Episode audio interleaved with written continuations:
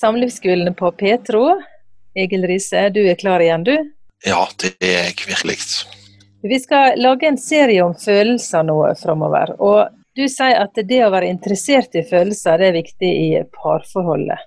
Og Den måten du forholder deg til egne følelser på, det mener du spiller en rolle for hvordan du har det i ekteskapet, og hvordan det går med ungene dine. Ja, det henger sammen.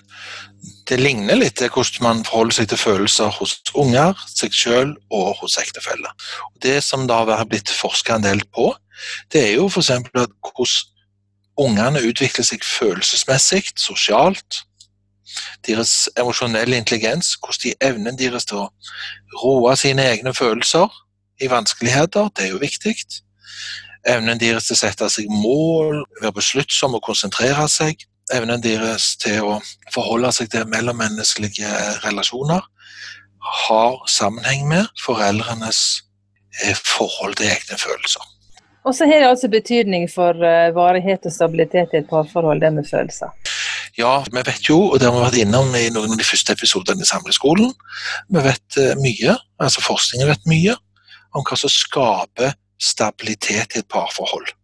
Mm. Og det kan man forutsi på bakgrunn av hvordan folk gjør, kan man forutsi hvordan de tenker, og ut ifra det forutsi hvor stabilt parforholdet er 6 og 15 år fram i tid.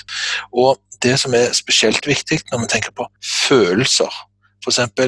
evnen til å regulere egne følelser, dvs. Si å roe seg når det er trøbbel, det kan vi jo se for oss i et ekteskap.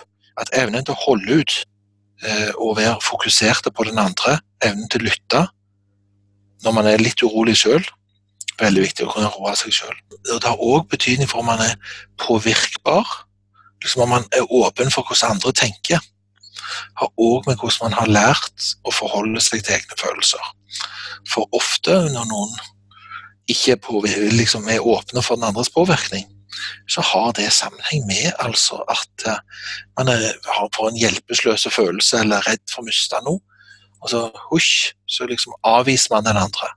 Mm. Og da er det forskrekkelig høy sannsynlighet for brudd.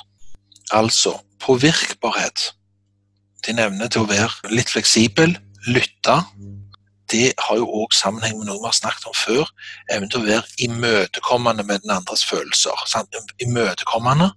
Bry deg. Ikke gå imot. Sånn avmuntre den andre til uttrykk, eller overse. Så det å være imøtekommende har med hvordan du har lært, hva du makter å få til. Hvis du ikke er påvirkbar i et parforhold, så er det en veldig veldig høy sannsynlighet for at det ender med brudd gjennom livsløpet. Det fører til mye, mye ustabilitet. Og så kan du tenke at Det viktigste her, som vi har snakket om i de første episodene, det er med tillit, lojalitet. At eh, ethvert parforhold er på vei mot dypere tillit eller mot eh, brudd, parallelle liv, svik eller bedrag. Mm. Så, så, vi er på vei i rett retning, eller så er vi på vei i en forvitrende retning. Og her hjelper det å investere i å forstå hvordan reagerer jeg? Virker det til et skritt nærmere den andre, eller er det et skritt ifra? Det er virkelig viktig. Godt man snakker om sliding door moments, eller avgjørende øyeblikk. Venter jeg meg vekk, eller jeg meg til den andre når det gjaldt? Og her skal du kunne vende deg til når det er noe vanskelig som oppstår. Så har det veldig mye å gjøre med hvordan du forholder deg til egne følelser og andres følelser. Det har òg noe å gjøre hvordan ungene lærer at de skal forholde seg til egne følelser i livet, og andre relasjoner. Så dette er virkelig topp å se på hvis du ønsker å justere livet i en, ja, i en positiv retning for parforholdet. Ja, for det kan jo føles som at hvis vi har mye følelser, vanskelige følelser, så må vi prøve å ha litt mindre av det hvis vi har problemer og vanskeligheter i forholdet. Men egentlig ja. så sier du at det er det motsatte. Hvis vi ønsker å gå rett retning, så må vi eh, fokusere mer på følelsene, sier du egentlig. Ja, du kan si hvis du har en følelsesforhold til følelsene dine som er sånn at du tenker at jeg har sterkt og vanskelige følelser før, og da følte jeg på en måte at jeg gikk på langs et synkehull eller langs kanten av en vulkan, og jo mer jeg snakket om det, jo verre ble det. Så hvorfor skal det være bra? Mm. Og da er det best, gjerne Hvis du tenker sånn, så er det f.eks. best å tenke la meg unngå det, overse det eller få det over på noe bedre. Det er jo bare det at det virker lurt i øyeblikket for å slippe å forholde seg, eller komme unna, men over tid ikke bra. Hvorfor skal vi fordype oss i hvordan vi forholder oss til følelser? Jo, fordi følelser er meint å hjelpe. Er du bedre kjent med dine egne følelser, får du bedre evne til å forstå hva som skjer i den andre. Da har du mindre sannsynlighet for å misforstå, tillegge negative motiv, lettere å forstå ting i positiv hensikt, og lettere å få trøste den andre. Det er mange ting som er ferdigheter i et parforhold, som taler for gjør deg kjent med hvordan du forholder deg til egne følelser. Det er ikke tull. Det er den beste vitenskapen vi har som sier det. Og det med følelser skal vi snakke om nå flere ganger framover, Egil. Men du har sagt at nå skal vi begynne med lekser i samlivsskolen. Hva er lekser til neste gang? Ja, altså jeg skal bare si det en gang til. At hvis foreldre har den gode måten å forholde seg til følelser på, så kan det hjelpe ungene til å gjøre det bedre på skolen, konsentrere seg, håndtere konflikter. Så dette er derfor du skal gjøre lekser neste gang. Hi-hi.